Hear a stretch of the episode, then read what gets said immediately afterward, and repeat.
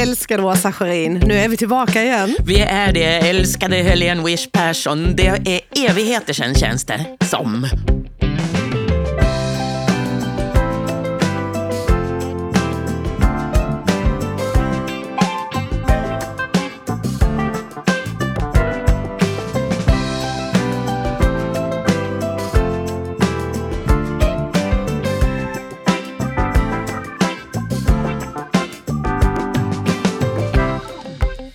Podden En hyllning till livet där vi verkligen hyllar livet men vi vågar också prata om eh, döden, Åsa. Ett fint uppdrag som vi har från Sveriges auktoriserade begravningsbyrå. Ja det, är helt fanta- ja, det är helt fantastiskt och så viktigt. Vi får ju väldigt, väldigt mycket fantastiska reaktioner också, vilket är så skoj, eller hur? Mm, verkligen. Och jag vet inte om, om, eh, om du känner som jag, men på något sätt, nu har vi hållit på med det här ett år ungefär. Och jag upplever, och det kanske har med åldern att göra, men att jag har också fått ta del av fler begravningar än på väldigt mycket länge. Du har ju det. Mm. Ehm, och i närtid också dessutom. Jag har ju inte det, får jag ju säga, eh, med tacksamhet. Ehm, Det kommer Men i det, sjok. kom, det kommer i sjok. Och jag, så sent som häromdagen så eh, pratade jag med en annan väninna som sa det är inte klokt det här. Det, nu hade de varit på någon begravning för bara några veckor sedan. Och hon konstaterar precis som du att det kommer nu fler och fler. Vet, jag stötte på två tanter på stan, eller hörde, överhörde. eh, De stod och pratade. Och då, eh, de var väl i 80 års 80 plus åldern eller sånt där. Och eh, ja, Den ena då berättade ju då om den och den begravningen. eh, Och de och de hade varit där och så vidare. Och Då berättade den andra tanten om en annan begravning. Och jag stod bredvid och tänkte, ja, det är väl så här det blir en dag. Om man har tur. Om man har tur. Ja, absolut. Alltså att man lever så länge så att man får vara med om... Att det är fler och fler runt en som, som trillar bort. Liksom. Ja. Men du, vi pratar också om livet.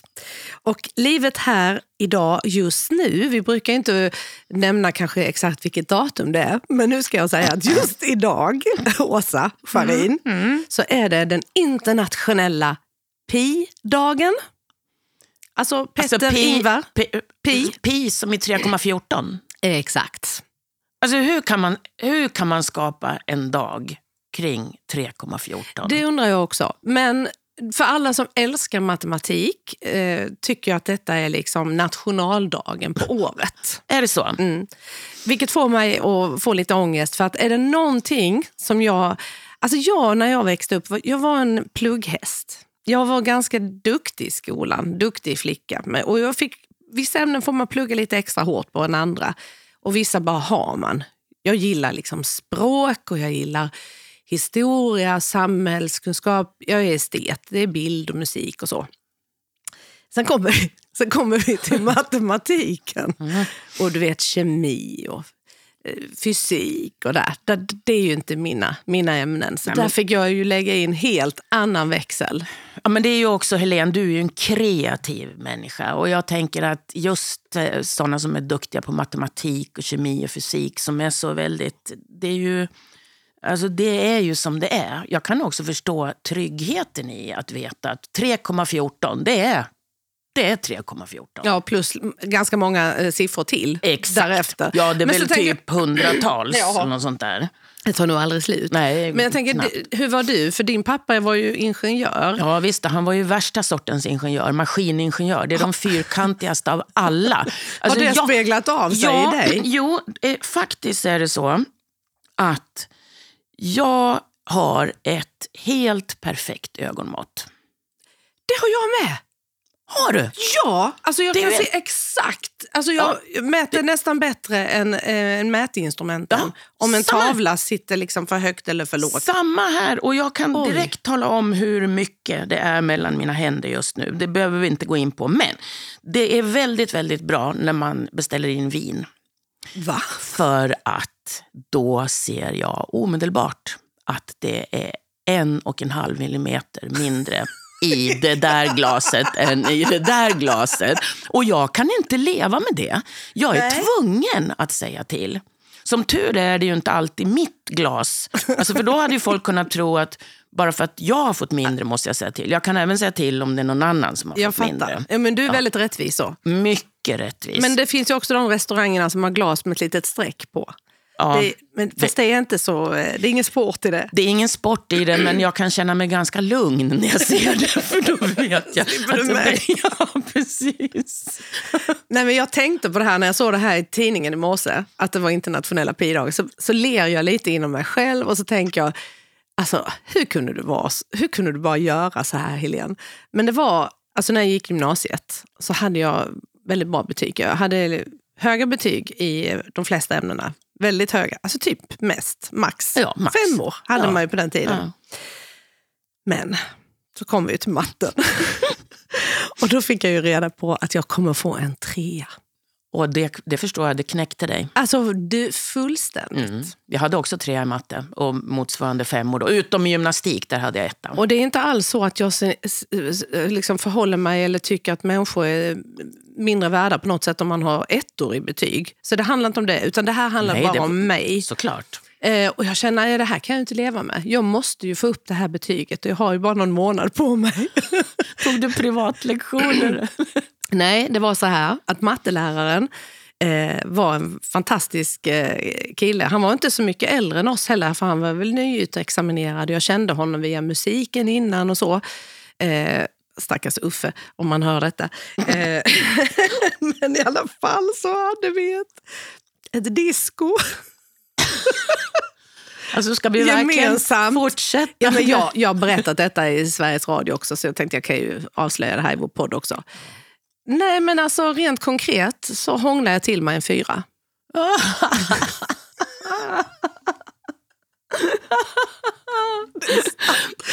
Och vad på min man säger, det var tur du inte gick för en femma.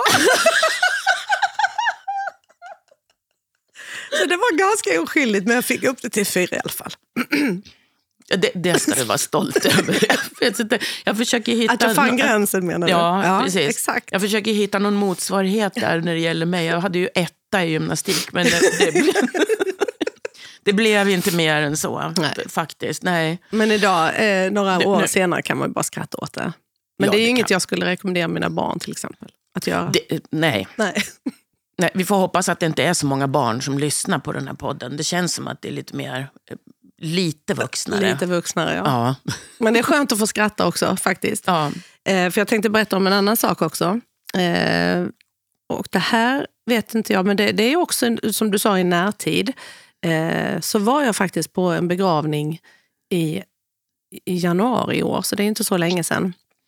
Och det här med att få, få begrava någon väldigt nära. Det var inte familj, men nästintill lika nära. Och alldeles för ung också. Alldeles för ung. Eh, alltså det gör ju någonting med en. När man sitter där i kyrkan och, och eh, ja, man gråter hejdlöst och man, man tänker och krampar in emellan. Eh, men det var, det var ju också ett väldigt, väldigt fint av, avslut och avsked på något sätt. Eh, men det var första gången jag fick vara med om en begravning eh, när det var en urna istället för en kista på plats i kyrkan. Har du varit med om det? Mm, nej, det har jag inte. Jag vet att det blir vanligare och vanligare. Mm. Eh, Men jag har faktiskt inte själv varit med om det. Nej. Men det var fint ändå. För man vet att eh, nu är det liksom det fysiska, det, är- det är aska och där, där, ligger, där ligger hon. Och, eh, det var en väldigt fin vit urna, så var det en, en, liksom, en, ett band runt om. Det är det här klotet. Klotet, ja. precis. Älskad, saknad och... Ja, men det var fint. Och så var det väldigt, väldigt mycket musik i kyrkan. Så att, eh, jättejobbigt, men man eh, är så glad ändå att man fick vara med. Och det är ju det här, det är ju som jag brukar säga så ofta när man pratar med människor om begravningar. Så, alltså det vi har sagt så många gånger tidigare, att du ordnar ju bara en till två, kanske max tre begravningar under ditt liv som du själv har ansvar för. Så att säga. Så att man blir ju aldrig proffs riktigt. Nej. Vi blir inte det. Och det är ju så otroligt viktigt med det här sista avskedet, för det, du får ju inte en chans till. Eh, Det är ju bara det här, när det är över så är det över. Sen får du inga fler minnen av den här människan. Nej, och sen det viktiga är att de som ska leva vidare med den här sorgen, att, det, att man är där för dem. Eh, även för en själv såklart, men de som står allra, allra närmast vill man ju bara omfamna och eh, liksom ge kraft och energi till att gå vidare från det som är så jobbigt. Mm. Så att, eh, och apropå begravning, jag vet inte när vi Kommer du ihåg när vi hade gjort vår senaste podd med, med Helene Kronvall? Kronvall som har ALS. Mm. 57 år bara. Va, alltså, vad, vad, tänkte du någonting mer på det jag mötet tänkt- vi fick? Här? Ja, jag har tänkt jättemycket på henne. För att eh, hon var ju så... Hon var ju så oerhört positiv. Det var ju till och med så att hon sa att det här är det bästa som har hänt mig. Och då blir man ju lite... Nästan skeptisk. Ja, precis. Man tänker, kan detta verkligen vara sant? Men jag tror också att eh, det här med vad man har för inställning till saker och ting, oavsett vad det gäller i livet, det, det betyder så oerhört mycket. Eh, du vet, det är det här som, som jag går och ofta tänker på. If life serves you lemons, make lemonade. Alltså, Mentala styrkan. Ja, och den har ju hon verkligen. Jag menar, när hon berättade här om alla vänner, släktingar, hela familjen som tar hand om henne, kommer och lagar mat och det är fester. Varför gör de det? Jo, det är ju bland annat för att hon orkar vara så positiv. Om hon hade suttit där och grävt ner sig och blivit bitter så tror inte jag att alla lika ofta hade velat vara tillsammans med henne. Nu är jag Nej, men det krass, speglar ju alltså av sig. Jag fattar. det, jag tror det. Jag tror att det här... Eh, jag har för mig att jag till och med sa till henne det här kommer ju ge dig fler år i, i livet bara för att du har den här inställningen. Det här kommer ju mer och mer forskning kring vad vänner och vänskap betyder för en människas hälsa. Det är inte bara att du äter rätt och tränar tillräckligt och dricker lite vin och så, utan även, även att du har vänner betyder för det ger dig Mm. extra år i livet. Jag har för mig att Helene sa någon gång när hon under vår eh, intervju här med henne att jag vet att det är folk som kommer fram eller som pratar liksom lite bak ryggen så här att ja, men det kommer snart ett bakslag. Men hon trodde ju inte själv det. Hon trodde att hon kommer att vara så här positiv hela vägen in i kaklet. Hon visste ju inte, men hon trodde det om sig själv. Hon trodde det och hon eh, eh, sa ju nu att den dagen när hon inte längre kan göra det hon själv hade satt upp som eh, en gräns, att hon inte skulle kunna gå längre till exempel, bli sittandes i en rullator och så, då ville hon inte vara med längre. Nej. Och sen sa hon ju också samtidigt, jag kan ju ha ändrat mig när den dagen kommer. Exakt. Så Ja. det vet man ju inte. Man vet, men jag tyckte att hon verkade oerhört eh, alltså, klok och Mm. insiktsfull. Och, eh, att kunna ta det här, den här smällen. Vilket jag också tänker delvis beror på att hon faktiskt hade en tro. Hon, hon tror ju att eh, livet fortsätter på ett eller annat sätt. Mm. Kommer du ihåg att hon, Absolut. att hon har sagt till vänner att ja, sen när jag dör, då ska jag, eh, då ska jag hälsa till din son. Eller ja, vad det, ja. träffa dina släktingar. Ja. Aha, ja. Ja, Jag, jag minns så väl när vi körde, och jag kan säga till dig som lyssnar nu på denna podden, om du inte har hört avsnittet eh, med eh, Helene Kronvall, så gör det för att det ger en en boost. Och man kanske slutar klaga, Ja. i alla fall för stunden. Ja. Men när vi körde härifrån, från studion, och, och pratade vi mycket. Och Sen så åkte vi in och tog en lunch, kommer du ihåg? Mm, det kommer jag ihåg. Och när vi kommer in i Kristianstad som det var, vi satte oss mot en solvägg. Det var de här du vet, solstrålarna i februari som... Ja, det, det värmde som om det var i maj. Så vi tog av oss jackorna och vi satt och åt lunch ute. Det var bara rosévinet som saknades, men det blev ju inget. Nej, det blev inget rosévin. Det satt ju däremot eh, några av eh, mina bekantingar. Mm. De satt ju vid något bord lite längre borta med rosévin. Då kändes det lite jobbigt. Vi blev lite sugna. Ja, precis. Men Kan man eh, få bli. jag minns väldigt, eh, och vi satt just och pratade om, om Helen då och eh, tyckte det var ett fantastiskt möte. Mm. Eh, och sen när vi väl sitter där så rätt för det så, så får vi ett annat fantastiskt möte. Kommer du ihåg? Ja, då kom ju en, en eh, bekant till oss båda.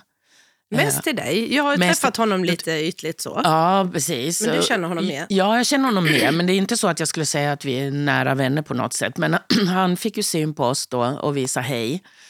Eh, glada som vi var där i solen. Och över att vi levde och allting. Och så kom han och så sa han, får jag sätta mig ner ett par minuter? Ja, visst, För det syntes som att han var lite så på språng. Ja, han gick ju bara förbi Mm, egentligen. Ja. Men så satte han sig ner ett par minuter och det blev till 40 minuter tror jag innan han reste sig. Och jag bara ställer den där frågan som man alltid ställer, du vet. Hej, hur- hur är det med dig? Mm. Och då svarar han att hans mamma oväntat och hastigt hade dött eh, bara ett par, tre dagar innan tror några jag. dagar. ja. Och då ehm, så Då drar man ju ett djupt andetag först ja. och försöker känna in, okej, var är han nu? Och berätta om du vill. Liksom Mm. och försöker det man han. utsöndra. Ja, och det var ju i efterhand, Helene, så kunde ju du och jag konstatera att det här fanns ju... När han såg oss så visste han att eh, han skulle sätta sig och prata med oss. Det tror jag Mm. faktiskt. Han behövde det och vi lyssnade. Ja, det gjorde vi. Och när han gick sen 40 minuter senare så tackade han ju. Eh, han tackade ju oss. Han var ju, eh, alltså, och jag, förs- jag kan inte förstå det för jag har ju inte mist mina föräldrar själv. Eh, men att det är mycket, man gör liksom lite konstiga beslut och man börjar agera lite annorlunda och hjärnan går på högvarv. Och Han berättade allt som han var tvungen att fixa så han hade fått så mycket kraft han ville bara göra. och lite Både rationellt men också orationellt. Ja, och, och, och just det här allt som måste tas om hand eh, inför en begravning. Och, och det handlar ju inte bara om begravning, det är ju en massa annat som måste tas hand om, som sagt, när en människa har dött.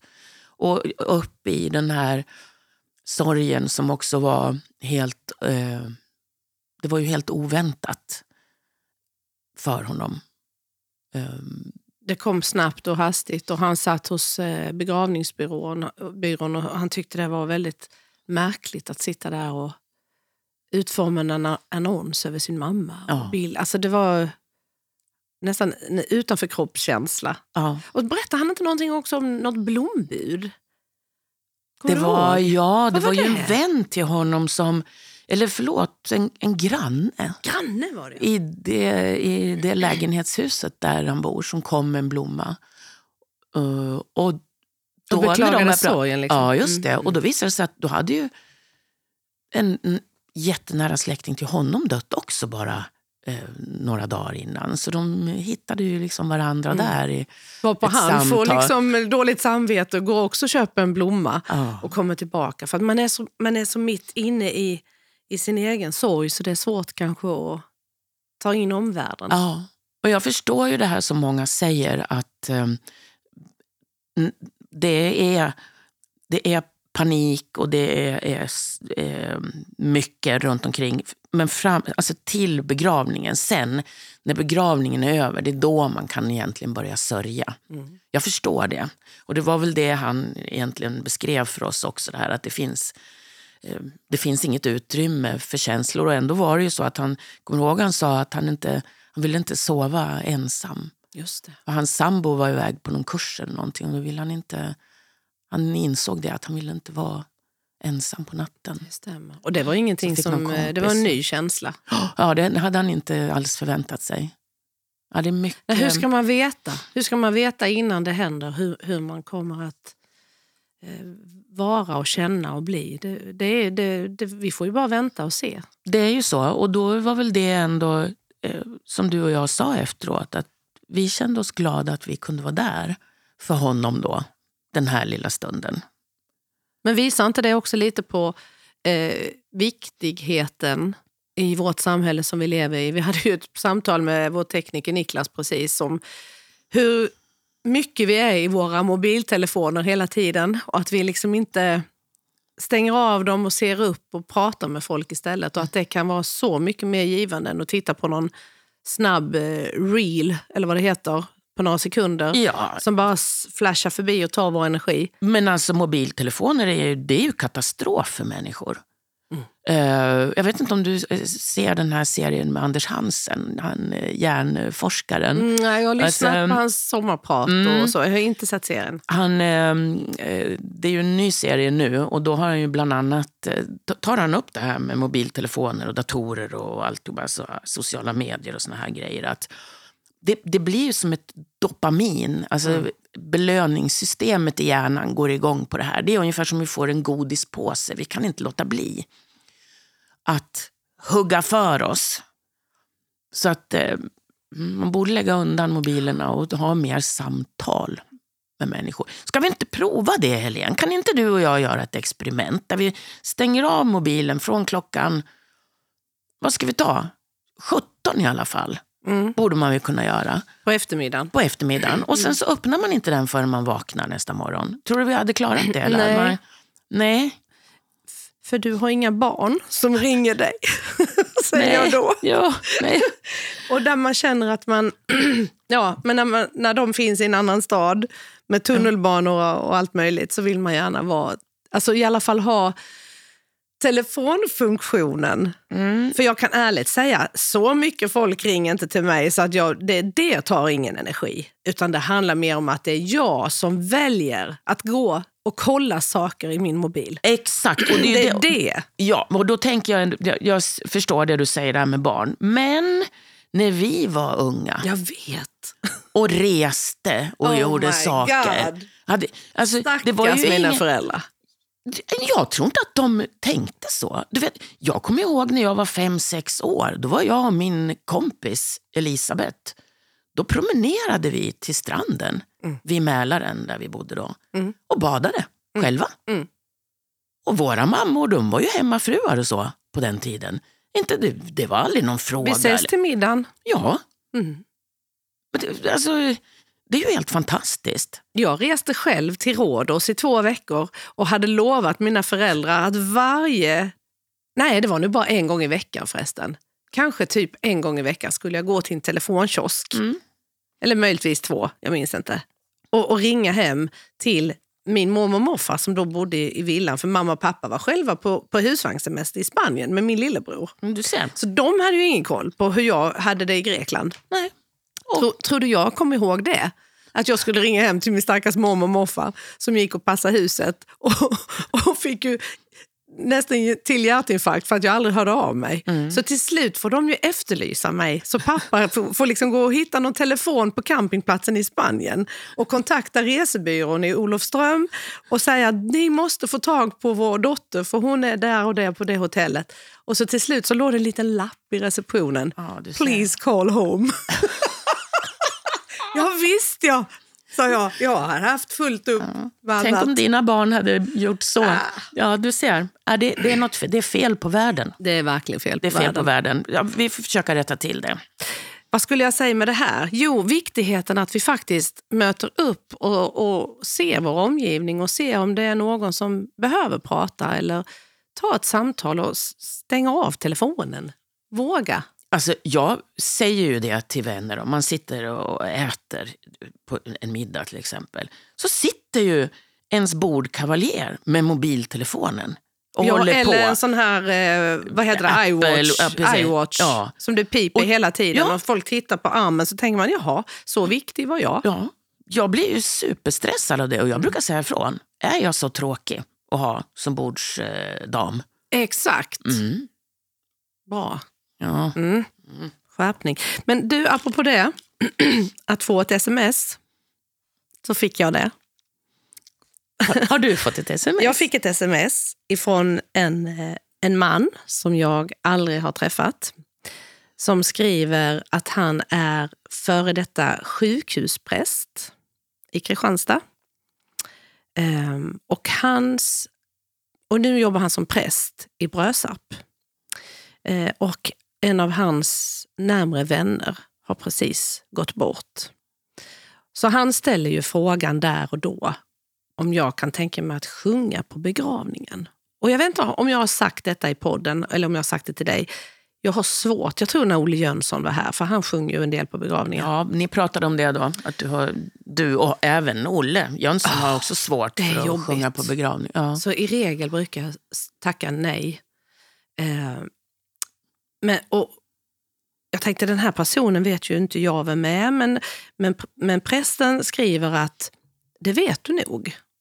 För du, du kallade honom för mannen i luckan. Va? Ja. Eh, jag var på resande fot när jag fick det här smset, så jag skriver bara tillbaka att eh, eh, tack för frågan och eh, jag kommer höra av mig till dig exakt det här datumet. Och du vet ju hur jag är. Jag Mm. hörde av mig exakt Såklart. det datumet. Eh, och så ställer jag frågan till prästen då, nu får du berätta för mig, vem är den här mannen i luckan? Och då berättar han om en man som eh, han föddes med eh, missbildade ben. Hmm.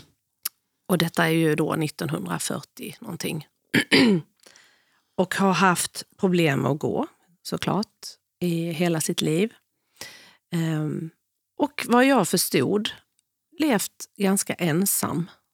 Eller väldigt ensam. Inte, inga barn, ingen fru, ingen, eh, inget större socialt nätverk.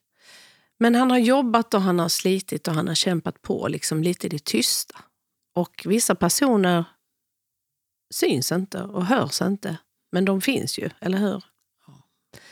Ehm, och sen var det under en period när han hade ett jobb på, eh, i Åhusparken. Och där satt han i biljettluckan. Och där var jag och spelade. Jag och många andra band ju var där och spelade under många år. Eh, och tydligen så, och jag minns ju inte detta själv, men han minns tydligen. Tydligen så hade jag vid något tillfälle sagt att ja, ja, men det är ju han, mannen i luckan. Du hade sett honom? Jag hade sett honom. Hur som helst så, så finns han inte längre och han hade sin sista tid på sjukhus. Så att han hade gott om tid tillsammans med den här prästen då som har ringt upp mig. Ehm, och prata igenom hur han ville ha sin begravning. Varpå prästen eh, lovar ju att utföra den och den ska vara i den här kyrkan i Brösarp. Och eh, ja, det kommer nog inte så många ändå, liksom, menar han på. Han var... Ja, bestäm du. Bestäm du hur det ska vara. Ja, men vad skulle du vilja ha för psalmer då? Nej, bestäm du. Ja, för vi har ju ingångslåt. Ja, men bestäm du. Vad vill du ha för färg på blommorna? Eller, ja, men bestäm du. Ja, men är det, är det någon du vill ska sjunga? Och då tystnade han. Och så tittade, hade han tittat upp på, på prästen och sagt Ja, nu, nu, när du, nu när du ställer frågan så... Hon Helene Persson, Nej, det är helt underbart. hon skulle jag vilja sjung.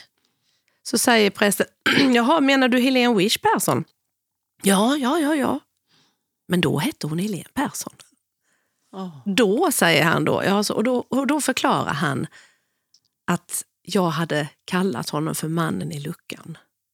Det hade han aldrig glömt. Alltså vid ett tillfälle, förstår du Åsa? Det är ju helt otroligt och det är inte ens hans namn. Du visste inte namnet men du hade sett Men nu vet honom. ju ja, det. nu vet ah, men då ah, liksom att, men att du såg honom, det var det. Vad tror, tror du jag kan säga nej, Nej, till det- den frågan? Nej. Om jag vill sjunga på hans begravning? Du gjorde det. Så det gjorde jag. Och det var en väldigt fin eh, en, en, eh, en fredag, en fredag morgon, tidig förmiddag. Eh, Brösarps kyrka är fantastisk. Och nej, det var ingen stor begravning, men den var väldigt vacker. Ja. Och eh, att, att, få, att få ta del av det, plus att det blir lite lättare när det inte är närmre än så, att faktiskt kunna utföra ett, ett jobb utan att man står där med supermycket gråt i halsen, förstår du? För man vill göra det värdigt och fint. Såklart. Men det var... eh, Jag tänker jättemycket på mannen i luckan och hoppas att han hörde det och att han tyckte det var fint. Och, och Det, det alltså jag, jag tycker den här historien är så eh, tårdrypande härlig. Jag kunde liksom inte, det var, var jättefint. Och sen är det ju som, så alltså livet, det var här, solen sken från en klarblå himmel. Kommer till Brösarp, lilla fina Brösarp och den här kyrkan och det var så, alltså det är ju något speciellt med de här kyrkorummen. Jag blir ju helt fast i det. Jag var precis uppe i Stockholm och gick in i Hedvig Eleonora kyrka. Mm, den är så Alltså. Ja. Mitt kom mitt i, mitt i gudstjänsten också. Vi stövlade in där och blev helt slagna. Fantastiskt är det med det här kyrkorummet. Det är någonting med det som gör, vi talar om det här med stress och så.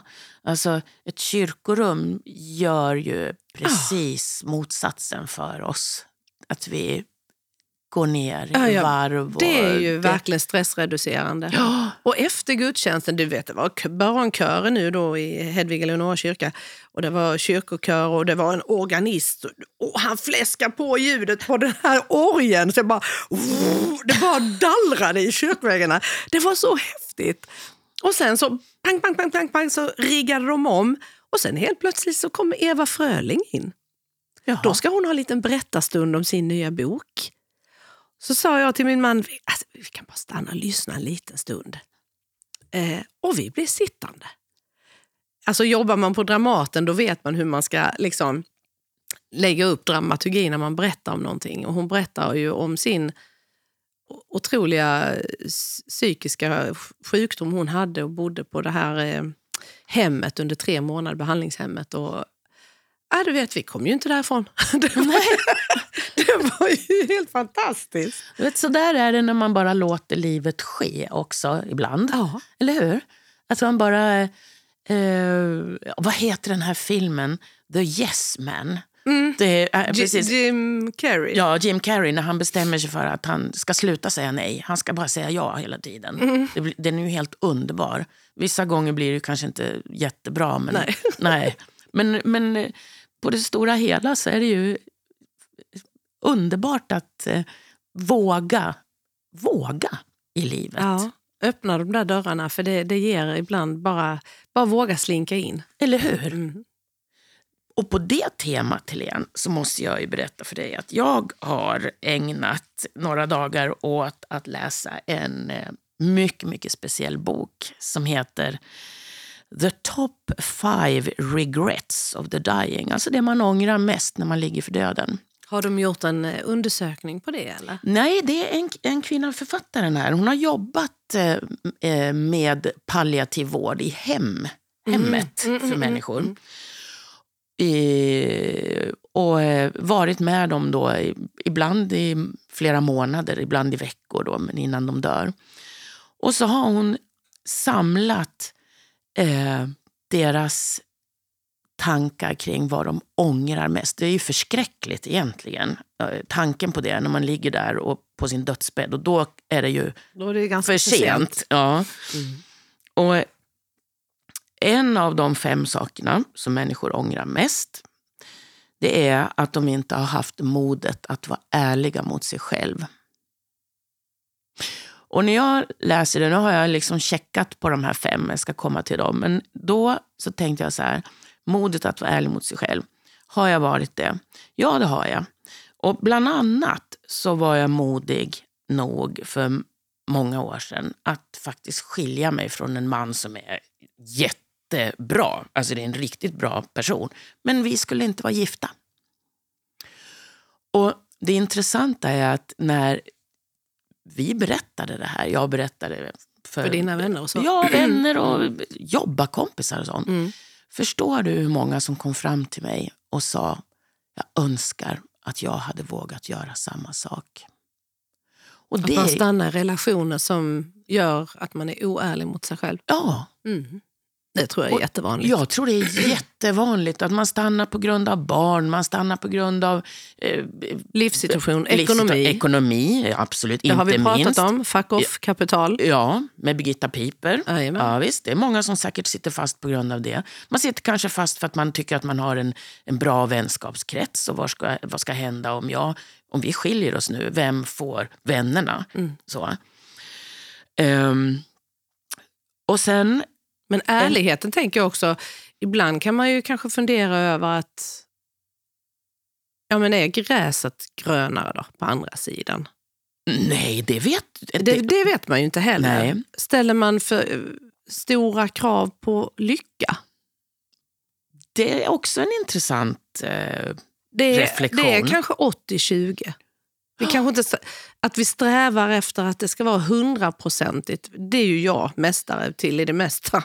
Att vara någon slags maximerare. Mm. Men man kanske inte kan kräva det av en relation. Nej, det tror jag inte man kan. Men, men jag känner att eh, eh, man ska väl känna att... Jag, jag tänker så här. En bra relation, då upplever man att man blir en bättre människa. Alltså ett plus ett blir tre. Liksom. Kanske inte varje dag. men- Kanske inte varje Nej. dag, men nej, för så kan man ju inte mäta det. Men liksom på, det, på, på, på helheten Ja. så, att det, det här gör dig bättre. Du, ja, det är så. Alltså, Men i vem den ska veta stunden, det? nej det vet man inte, men i den stunden där och då så var du ärlig mot dig själv och Ja, det var- vågade lämna. Och det gjorde ju också att du är på en plats idag där du, där du trivs. Där jag är så lycklig. Mm. Mm. Det är ju. Nu ska du få höra nästa. Ja. Jag önskar att jag inte hade jobbat så mycket. Nej, den är ju klassisk. Ja, den är klassisk. Och det där pratade jag faktiskt med en väninna om igår på lunchen. Så tog jag upp det här. Så sa hon så här. Det här tror inte jag gäller om man jobbar med någonting som man tycker om, om man jobbar med någonting som är viktigt, alltså typ sjukpersonal, eh, polis, ja du vet alla såna här viktiga jobb. Hon sa, jag tror det här gäller om ditt enda mål med att jobba är att tjäna så mycket Lön. pengar som möjligt. Exakt. Ja, och det Men har det jag är ju- funderat på. Det kan, hon kanske har rätt i det. Samtidigt idag med höga räntor och eh, bensinpriser och elpriser som man storknar, så för många är det inte ett val.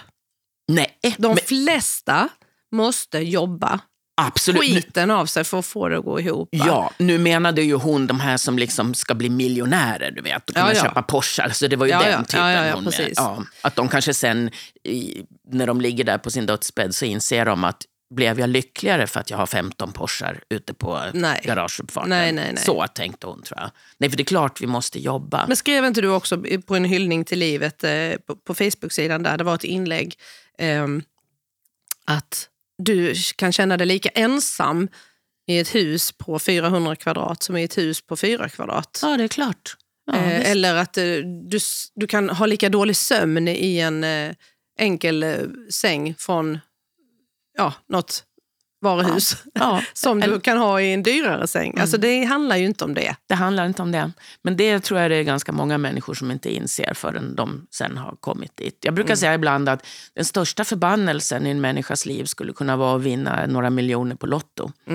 För att innan man har gjort det, då tror man att man skulle bli så mycket lyckligare. Och då har man i alla fall det som en liten måttstock där. Exakt. Medan när man då väl har gjort det så ser man att nej, det var inte det. Det behövdes någonting annat för att jag skulle bli lycklig. Men att jobba mindre i alla fall, åtminstone om Ja. man kan välja att dra ner på det.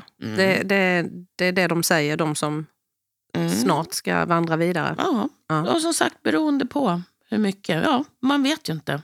Men det var det de sa.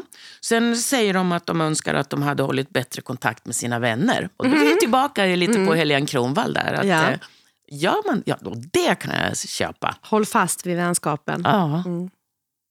Och- Återigen tänker jag på mannen i luckan då, som inte hade så många vänner. Nej. Att det kan räcka med att se en person. Att stanna upp och prata med en person så kanske du gör den, dens dag. Liksom. Åh, det påminner mig om när jag var ute och gick en solskensdag här. För det, var, det var inte i år. Då kommer en farbror på rullator. Och så säger jag, vilken underbar dag, eller hur? Säger jag till honom. Och då stannar han på sin rullator och så säger han, ja, kan vi inte sjunga en sång tillsammans? Va? ja, det här är sant. Och jag sa, ja, det kan vi göra. Där och då? Där och då. Och det här, det, ja, och, och så sa vad vill du sjunga? sa jag. Så tänkte han ett tag så sa han, ja det är våren. Och då, det är våren, ja det är våren som har kommit igen och med den kärleken, ja det är våren. Kunde du den? Ja, hela. Ja. och vi står och ser varandra djupt i ögonen och sjunger hela världen. Visst är det kul? Och det här tror jag, jag glömmer Var det mitt i aldrig. stan? Ja, mitt i stan. och jag tror inte han glömmer det heller. Han var så söt, han var så söt. Ja. 80 plus någonting. Ja, men du är ju fantastisk där, Åsa. Du har ju något helikopterperspektiv ibland som, som gör att du ser och du, du och där känns du ju inte stressad. Men jag vet Nej. ju att du är lite stressad. Ja, jag är ju lite Vill du stressad. prata om det? Ja, alltså det kanske är bra att man berättar att man är stressad. Nu är jag ju i och för sig också en person med ganska liksom, högt tempo. Men Fast det är inget man märker, men du kan ju ha det inåt kanske. ja, kanske har det inåt. Mm. Ja, nu i alla fall i ett försök då att minska min stress så ska jag från och med eh, typ nu Mm. tre dagar i veckan ska jag gå och klappa djur. Va? Mm.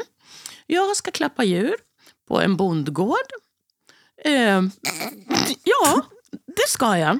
Och tälja en och annan smörkniv eller någonting sånt. Är det sant? Ja, och hela grejen är att Alltså, jag alltså- absolut inte får göra någonting annat. Får du prata med någon? Jag, jag vet Är du inte. själv? Nej, jag tror det är några till. Och Det är en grupp stressade människor som ska komma till en bondgård och klappa f- djur. Mhm. Vad är det för, är alla djur? Det vet jag inte. Jag hoppas det finns grodor. För det skulle jag vilja liksom samla. Ja, men jag älskar grodor. Du vet, ha en hink eller någonting och sen få samla dem och flytta dem om de är för många. Ja, men det är också meditativt, tänker Ja, jag. det är det är det. ju det de vill åt. Det är det de vill åt. Du förstår, det är ju som att bli trampad på nacken. Liksom, att nu ligger du still, ungefär så. Och tälja en smörkniv. Mm. Vet du vad som hände häromdagen förresten på det temat? Jag börjar ju inse att ja, det kanske är rätt. Då, i alla fall, det var en lördag och min sambo var ute i trädgården och höll på med någonting. Och sen skulle han se en fotbollsmatch. Mm. Och jag sitter inne och gör ingenting. Och när han kom in då från trädgården så gick jag fram till honom och så började jag gråta. Och så sa jag, jag har jättetråkigt. Varpå Jonas säger, barn ska ha tråkigt ibland. alltså, vet, Men fick det du, något kunde du fel gå ut och hjälpa till? Ja, jag får ju inte det då. Det är som, Nej. nej, men det är någon slags man cave. Det är hans Du vet- region. Ja, jag vill ju säga att jag får gå ut i trädgården andra gånger, det får jag. Men just när det ska liksom arbetas där. Ja, du vet män. De ska Du blir antingen ledsen för du hade tråkigt. Jag hade så tråkigt. Och så tänker jag, ja du vet det var som jag var på badhuset häromdagen också. Mm. Och simma. Rätt som det var så var alla andra banor tomma. Det var bara jag kvar. Mhm. Så simmade jag ett par längder så tänkte jag, nej det här går inte. Jag har jättetråkigt. Så såg jag en badvakt ute i korridoren som jag lyckades få ögonkontakt med och Mm. vifta in. Och så sa jag, alltså, titta här, titta här nu, det finns ingen här. Ser du vad tråkigt? Jag har så tråkigt, jag står inte ut. Så sa han, men Åsa, alltså detta ska ju vara skönt för dig att du får ligga här och simma alldeles ensam. Nej, det är det inte, skrek jag. Jag har jättetråkigt. Så då kom han in med en vattenslang och började vad heter det, tvätta golvet bara för att hålla mig sällskap. Ja, herre- Ja, det är fantastiskt. Ja. Vad skönt att vi fick eh, skratta lite. ja, eller hur? Åt eh, Ja. eländet. ja. Ja, vi får väl knyta ihop säcken. Eh, Har du något mer på den här listan, vad man tänkte, eller känner vi oss nöjda? Ja, det finns ju lite. Vi kan ta lite sen också. Vet du vad jag kände? Nej. Eh, det var väldigt skönt att det bara var du och jag idag. Ja, Vi behövde det. Eller hur? verkligen. Och jag, jag kommer också tänka på att eh, jag pratade om den här sjukhusprästen. Vi ska ju faktiskt intervjua en sjukhuspräst framåt här. Det ska bli intressant att se deras jobb, tycker jag. Eh, mitt där det händer, verkligen. Ja. På ett sjukhus händer det ju väldigt mycket saker. Ja, det ska bli så spännande att få höra hur en arbetsdag kan se ut. Ja. För det, jag tänker så här att dels så har vi ju de som är sjuka, som behöver tröst, Mm. och de anhöriga. Mm. Men en grupp som säkert också behöver lite tröst, det är väl personalen. Tror du inte? Verkligen. Men finns de till för dem också, tror du? Det kommer vi få reda Mm. på tror jag. Ja, Ja, alltså gott att se dig. ja detsamma. Vi avrundar den här podden nu genom att eh, helt enkelt säga att vi hörs igen inom kort och hoppas att du som lyssnar har en fantastisk dag. Hej då! Hej då!